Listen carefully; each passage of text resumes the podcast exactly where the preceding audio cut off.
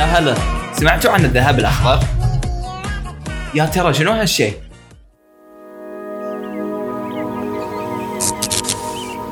بودكاست حكاية نغوص في أعماق الحكاية اليوم لو رحنا لأغلب المطاعم محلات العصائر وحتى محلات مستحضرات التجميل خصوصا الصحي منها راح نشوف هذه الفاكهة السحرية. فيا ترى شنو هذه الفاكهة اللي انتشرت بشكل كبير؟ ومن قرر إنها صحية؟ وليش موجودة في كل شيء؟ ومن المستفيد من انتشارها؟ وهل تعلم ماذا تفعل هذه الفاكهة الصحية؟ بالمزارع يقولون إن بداية ظهور هذه الفاكهة التي ظهرت في وسط أمريكا قبل 4000 سنة قبل الميلاد أو أكثر. وظلت هذه الفاكهة محلية وغير معروفة بل حتى كانت غير متقبلة محليا لأن طعمها غير محلى يعني طعمها مو بسكري. وأيضا كانت أكثر أنواع الأفوكادو غير قابلة للأكل من قبل الحيوانات. وبعد ذلك قام العلماء بأخذ أنواع الأفوكادو الغير قابلة للأكل وقاموا بتهجينها. وأنتجوا لنا 30 نوع من الأفوكادو الموجودة اليوم وجميعها قابلة للأكل. ويعود تاريخ زراعة الأفوكادو في كاليفورنيا إلى بداية القرن العشرين حيث أخذها المزارعون الأمريكان من المزارعين المكسيكيين. وكان انتشارها مقتصر على المناطق التي تزرع فيها. يعني خلا أشبهها لكم مثلا باللوز البحريني اللي ينزرع في البحرين ودول الخليج وما يستهلكها إلا البحرينيين وأهل الخليج. ممكن إذا رحت لدول ثانية تحصله موجود ولكن ما حد يأكله أو ممكن يرمى أو تلاقي في الطرقات يعني ما له قيمة. وحتى الستينات لما وصلت هبة الطعام الصحي والرياضة في أمريكا. كل من بدأ يمارس نمط صحي ورياضي. ظهرت معلومة إن الأفوكادو غني بالدهون وما هو بصحي عقب الله يسلمك فكروا التجار وأصحاب المزارع شو نسوي؟ بدينا نخسر راحوا حق العلماء المتخصصين في التغذية والصحة. وسألوهم الأفوكادو مفيد للصحة ولا لا. طبعا الاجابه يعني الصريحة ما حد يعرفها إلى الآن. ولكن يعني ما قصروا معاهم.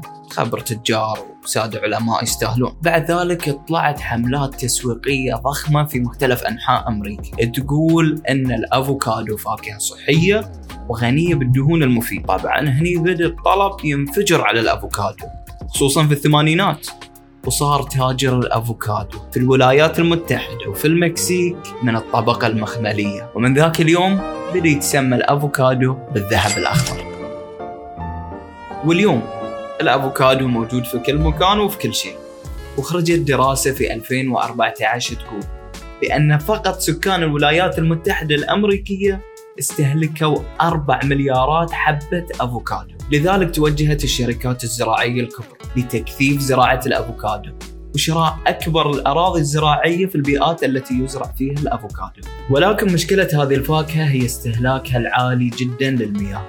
فيقول لك شجرة الأفوكادو تستهلك في اليوم ما تستهلكه عائلة مكونة من أربع أشخاص وبدأ المزارعين يشتكون من شح المياه في مزارع الأفوكادو.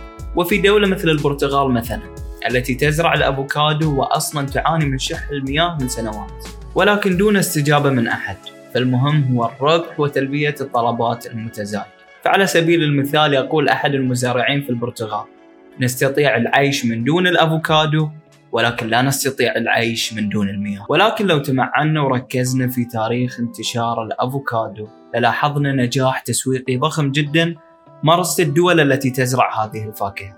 فالأفوكادو حرفيا صار موجود في كل بيت وفي كل مكان. على الرغم من المشاكل البيئية التي قد يسببها الأفوكادو ولكن الدول التي تزرعه قد نجحت تسويقيا.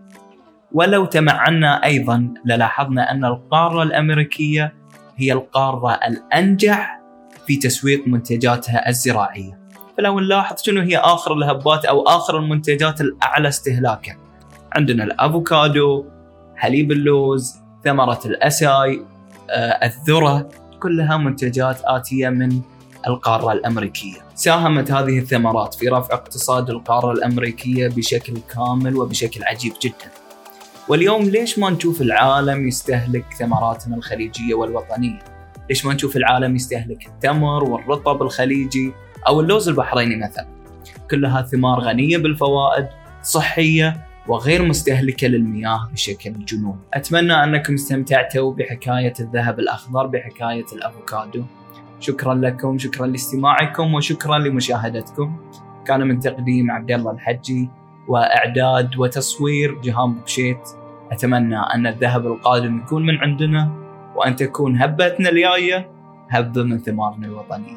شكرا لكم وإلى اللقاء.